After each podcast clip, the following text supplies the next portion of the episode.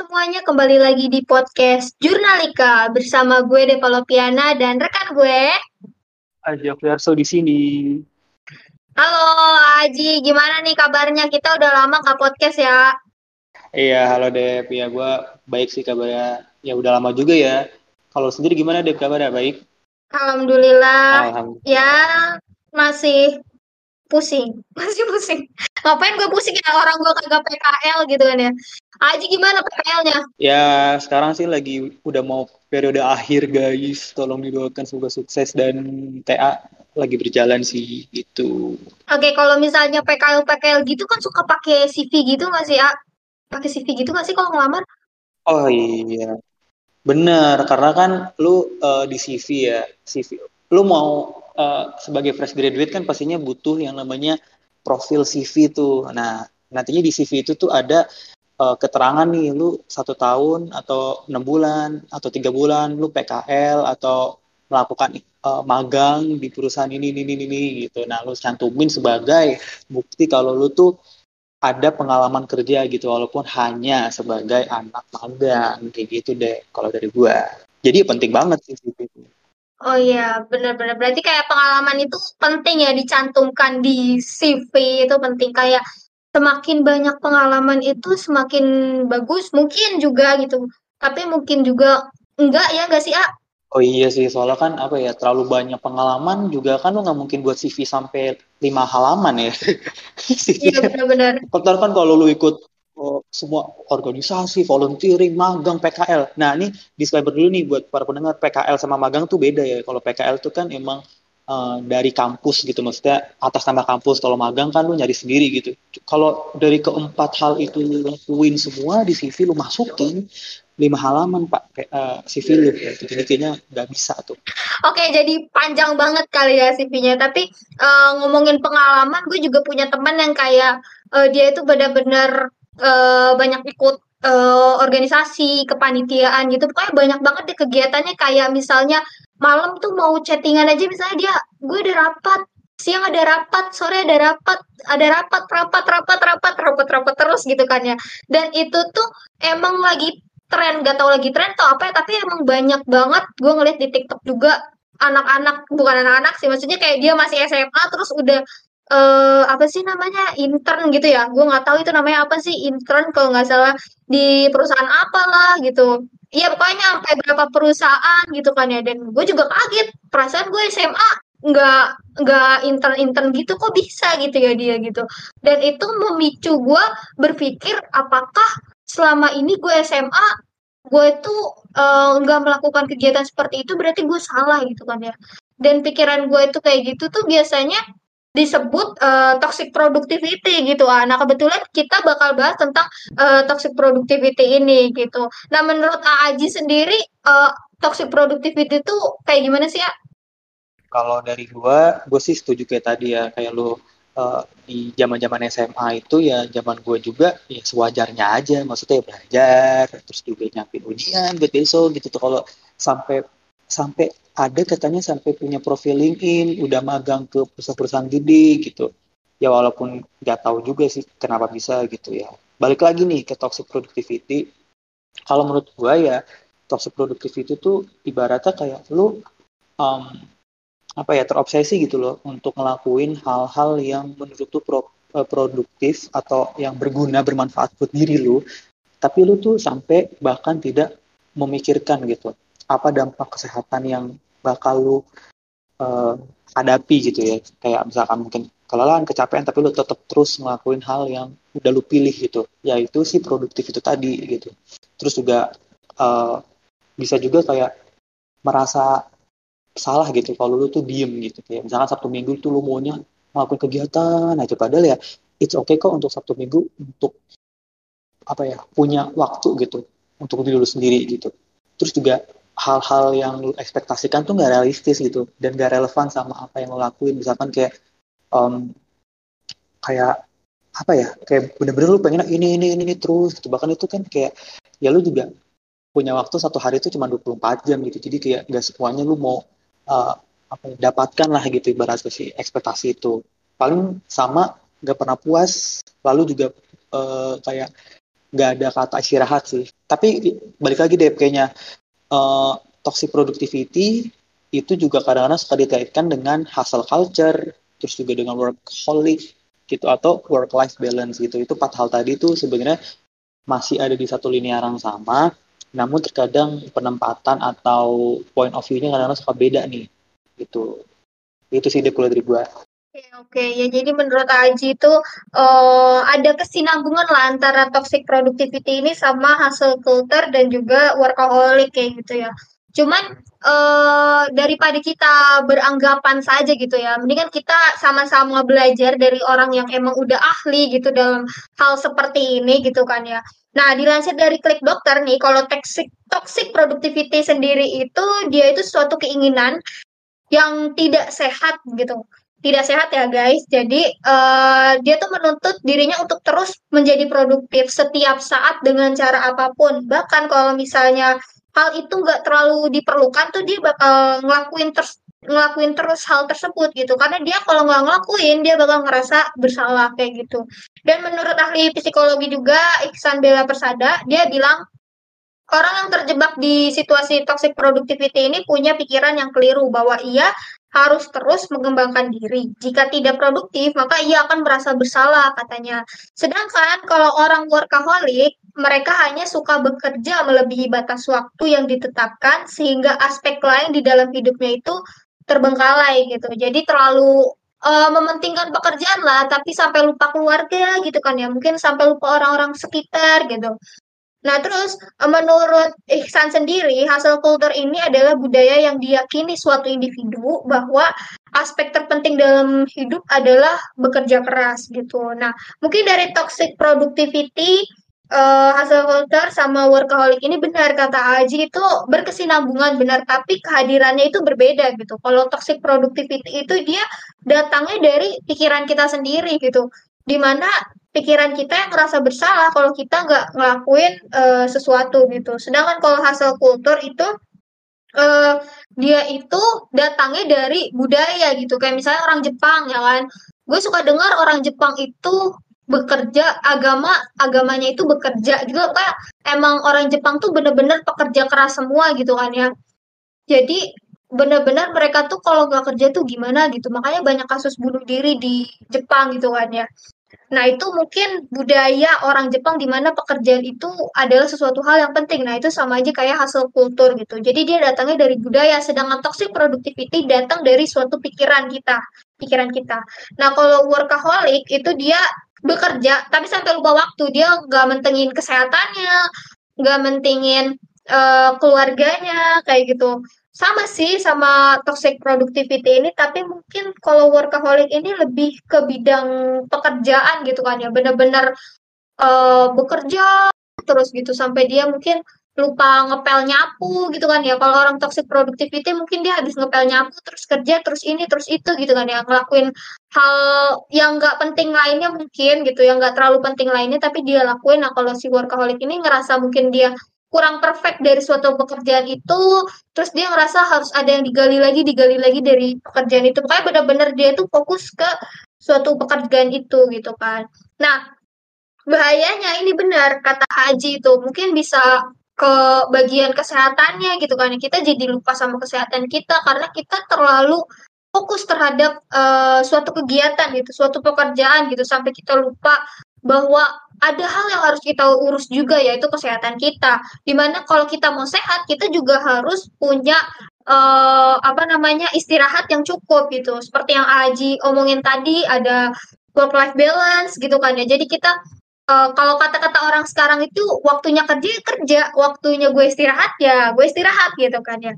Jadi ibarat uh, kalian sebuah handphone ya emang kita sih bukan dibuat dari teknologi gitu kan ya tapi kalau misalnya handphone itu terus dipakai tanpa dicas gitu kan ya, uh, pasti lama-lama handphone itu rusak gitu, cepat rusak. Sama halnya kita kalau misalnya kita terlalu sering melakukan suatu pekerjaan, kegiatan sampai kita uh, kayak istirahat tuh cuma beberapa jam doang gitu. Itu namanya merusak diri kita sendiri gitu. Lu nggak sayang sama diri lu sendiri gitu kan ya. Nah, uh, dari toxic productivity, workaholic, sama hasil kultur ini uh, mungkin emang bagi beberapa orang itu hal yang membahagiakan gitu ya mungkin ya. Atau mungkin ini juga bagi beberapa orang itu hal yang nggak banget deh gitu kayak terlalu berbahaya kalau dilakuin gitu kan ya. Karena uh, balik lagi ke orang masing-masing dia beda-beda gitu kan kebutuhannya. Ada yang mungkin memang bahagianya dia bekerja, ada mungkin yang bahagianya uh, work life balance, ada mungkin yang bahagianya rebahan aja gitu kan ya. Nah, kalau menurut Aji sendiri nih, ada gak saran tersendiri buat orang-orang yang mungkin udah terjebak atau mungkin dia belum terjebak biar dia nggak terjebak deh dalam toxic productivity ini? Pribadi deh gitu sebenarnya. Sebenarnya gini sih, semua itu ada uh, terms and condition terus ada konotasinya gitu. Dalam arti kalau lu produktif produktif lu uh, suka kerja gitu ya. Ya itu sebenarnya hal yang apa ya hal yang lumrah dan yang harusnya dilakuin sama manusia gitu. Cuman balik lagi lu juga harus porsi tahu porsi nih tahu kadarnya. Lu ngelakuin hal yang berlebihan gitu. Yaitu hasilnya pun juga akan pasti apa ya tidak seimbang gitu. Kayak lu ngerjain apa pun yang berlebih pasti lu dapetin hal nggak cuman dari yang lu kerjain. Pasti ya kayak penyakit tadi gitu ya kesehatan secara fisik gitu ya. Kalau gua tampil lagi kesehatan secara mental. Nah mentalnya tuh gimana sih? Pasti orang yang apa sih work kalau yang hasil culture tadi itu pasti emosian gue yakin. Kayak kalau orang nggak setuju sama dia kalau orang hanya mengingatkan sekedar ngomong buat eh lu makan dong eh lu istirahat eh lu ini eh lu itu. Nah itu kadang-kadang suka mungkin gue mikirnya kayak di jawabnya bakal ah apaan sih lu? Gue kan lagi ngelakuin hal yang hal yang lu suka gitu. Nah um, kalau gue sendiri sih pengalaman atau saran ya kayaknya mungkin gue akan ke pengalaman dulu kali ya. Gue pun kayaknya lebih relax sama hasil culture gitu. Karena mungkin waktu zaman SMP ya uh, itu kan naik jenjang ya dari SMP mau ke SMA dan itu dari fase-fase pubertas mau ke pradewasa gitu ya. Ya di mana kayak lu harus bekerja keras bagaimana caranya lu mendapatkan SMA yang lo inginkan gitu. SMA negeri bagus SMA swasta yang bagus gitu. Jadi kayak teman-teman gue tuh kayak ngelakuin apa ya les yang bener-bener kayak sampai 4 sampai lima tempat berbeda di dalam satu hari. Eh di dalam satu tahun kelas 9 itu gitu. Ya sehari ya didatengin dua tempat tiga tempat gitu. Dan emang apa ya yaitu uh, impactnya walaupun baik tapi terkadang dianya juga jadi yang capek terus jadi pernah sampai tipes gitu ya. Ya gitu sih jadi um, tujuannya apa ya tujuan dari hal-hal yang lo lakuin ini harus apa ya ibaratnya kayak ya udah gitu loh uh, balik lagi sewajarnya aja gitu kayak. Terus juga mungkin kalau saran ya kayaknya um, karena sekarang lagi zaman zamannya online gini webinar pasti banyak um, kayak apa sih motivator gitu yang apa ya harus kayak oh lu tuh uh, waktu 24 jam ngapain? gitu ya kayak ya udah gitu. Itu uh, biarin itu jadi omongannya dia. Satu itu omongannya dia bukan berarti lu harus memenuhi gitu. Jadi kalau dari gue nih sekarang gue menganut tiga sistem nih lu denger sampai kuping, lu denger sampai otak, atau lu denger sampai hati gitu. Kalau lu menurut lu sampai kuping aja, ya udah uh, masuk kuping kanan, keluar kuping kiri. Kalau cuma sampai otak, ya udah di otak aja. Gak usah lu sampai ke hati gitu. Karena kalau lu sampai ke hati, lu pasti bakal ngelakuin hal-hal yang harusnya nggak lu lakuin gitu. Nah itu satu. Terus yang kedua, um, apa ya? Eh, nggak uh, semuanya hal-hal yang produktif tuh berkegiatan gitu kayak lu tidur, lu nonton TV, lu beristirahat aja diem bengong itu aja tuh ada manfaatnya loh. Lu bisa merecharge diri lu gitu. Lu mecas kembali kayak tadi si Depa bilang ya, kayak sebuah HP ya. HP kan butuh dicas gitu. Nah, cas itu juga sebuah kegiatan dan it's okay gitu. Lu dengan nonton TV lu juga dapat insight baru, kata-kata baru mungkin atau info-info hal menarik gitu yang lu dapatkan dan hal itu pun produktif gitu ibaratnya lu hal produktif hal produktif hal produktif itu sorry ya hal produktif itu kan adalah hal-hal yang lu lakukan dan mendapat impactnya dari yang lu lakuin gitu. Nah, itu kan bisa juga gitu. Terus saran gua itu sih sama ya buat mahasiswa-mahasiswa kayak kita juga ya ya udahlah ibaratnya um, apa ya jangan takut gitu loh untuk menjadi diri kita sendiri. Karena yang membuat acuan yang jadi acuan itu ya diri kita sendiri. Karena kalau kita mengacu ke orang lain ya kayak kita ngeliat ada teman kita atau siapa pun rekan kerabat kita yang oh dia oh mahasiswa magang PKL dia langsung dilakuin gitu. Ya itu kalau kita mengacu ke orang lain itu nggak akan ada habisnya gitu. Dan itu akan menimbulkan tuh si ketiga hal tadi gitu. Kalau dari gue sih gitu. Jadi sarannya mungkin kayak ya ya udahlah ibaratnya santai aja gitu. Maksudnya dikalamin aja dulu jangan terlalu gimana gimana banget gitu. Kalau dari gue sih gitu deh Oke, dari omongannya Aji, uh, mungkin gue bakal memberi tambahan aja sih sebagai orang yang pernah merasakan toxic productivity itu sendiri. Nah, tadi kan Aji bilang kayak waktu zaman sekolah itu ada yang sampai ikut bimbel sana sini gitu kan ya buat ya mungkin dia mencapai sesuatu lah. Entah itu disuruh orang tuanya atau emang dia pengen gitu. Dan gue itu salah satu orang yang seperti itu waktu itu gitu ya waktu itu. Dan benar gue sampai tipes itu pas tryout mau kenaikan SMA itu kan ada biasanya sebelum ujian nasional kan ada tryout gitu kan ya. Tryout satu tryout dua tryout tiga itu gue uh, gue lupa tryout berapa tuh. Gue tipes sampai uh, pokoknya diinfus 12 botol gitu kan ya. Karena saking gue bener-bener belajar terus terus bimbel gitu kan ya sana sini. Dan gue juga lupa sih waktu itu karena apa ya gue sampai kayak gitu. Kayaknya karena uh, apa tuh namanya ya keinginan gue buat jadi yang terbaik gitu. Gue ngerasa gue harus pinter gitu lah. Maksudnya ngeliat orang jadi kayak terpacu juga gak sih? Iya, uh, jadi gue ngeliat uh, apa tuh namanya? Misalnya teman-teman gue nih emang ada yang lebih pintar dari gue uh, dia pokoknya pinter lah gitu. Ini bisa itu bisa. Dan akhirnya gue kayak pengen pengen gitu kayak dan masalah yang motivasi itu yang 24 jam gitu. Ya lu ngapain aja 24 jam gitu ya? Waktu anda punya waktu 24 jam. Selama 24 jam ap, kalian apakan waktu itu gitu kan. Dan itu emang gue sempat kayak terpikirkan sih pernah kayak gitu. Sampai akhirnya gue uh, melakukan hal yang benar-benar kayak uh, produktif lah gitu. Tapi ya produktifnya gue juga nggak terlalu sampai misalnya nih gue tidur dua jam doang nggak nggak sampai segitunya juga sih. Maksudnya tetap mengisi waktu-waktu tersebut untuk hal yang bermanfaat kayak gitu.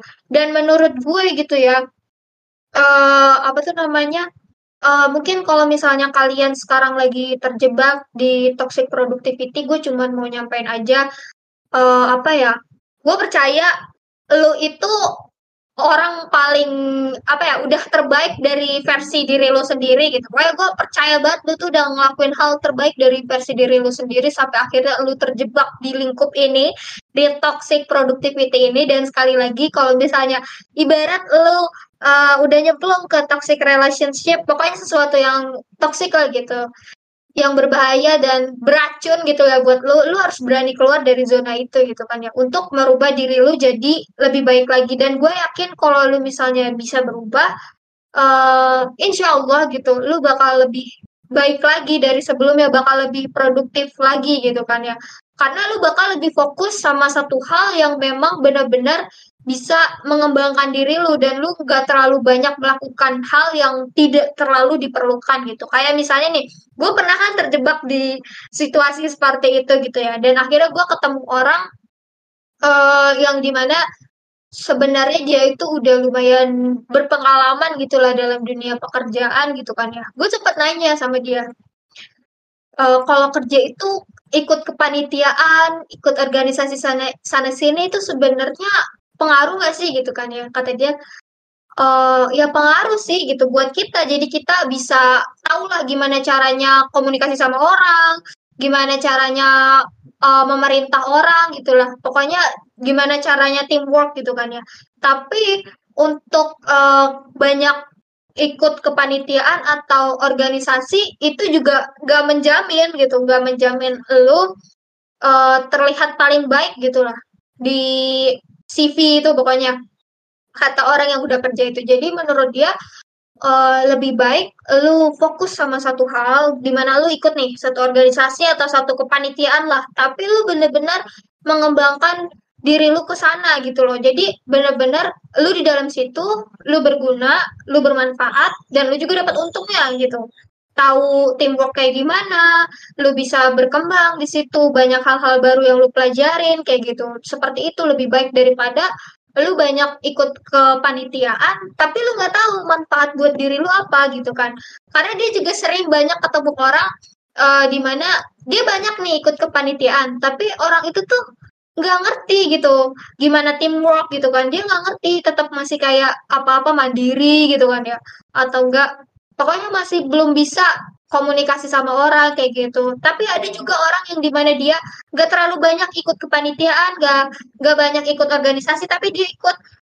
Cuman dia bisa gitu menghandle suatu tim terus juga komunikasinya baik. Menurut dia yang udah berpengalaman langsung di uh, pekerjaan gitu kan ya di suatu pekerjaan atau perusahaan gitu. Dan menurut dia yang dibutuhkan itu orang-orang yang seperti itu di mana dia benar-benar punya skillnya gitu. Nggak cuman sekedar untuk menambahkan nama-nama uh, kepanitiaan di portofolio aja. Karena gue pernah juga ketemu sama orang dia ikut banyak kepanitiaan. Dan gue ketemu orang ini setelah gue ketemu orang yang bekerja itu ya setelah gue mendapatkan uh, omongan dari orang yang si pekerja ini. Dan gue tanya ke orang yang uh, ikut banyak kepanitiaan ini. Kata gue lu ikut banyak-banyak kepanitiaan buat apa sih? Gitu. Buat pengalaman atau cuman mau memperbagus porto lu doang gitu kan portofolio lu gitu kan. Terus dia bilang sebenarnya gue cuman pengen portofolio gue doang sih gitu. Waduh ternyata bener ya yang diomongin sama uh, si pekerja ini. Katanya ada banyak orang yang seperti ini gitu. Dan nyatanya benar adanya orang banyak ikut kepanitiaan. Dia emang masuk ke kepanitiaan itu tapi nggak terlalu banyak mengambil peran.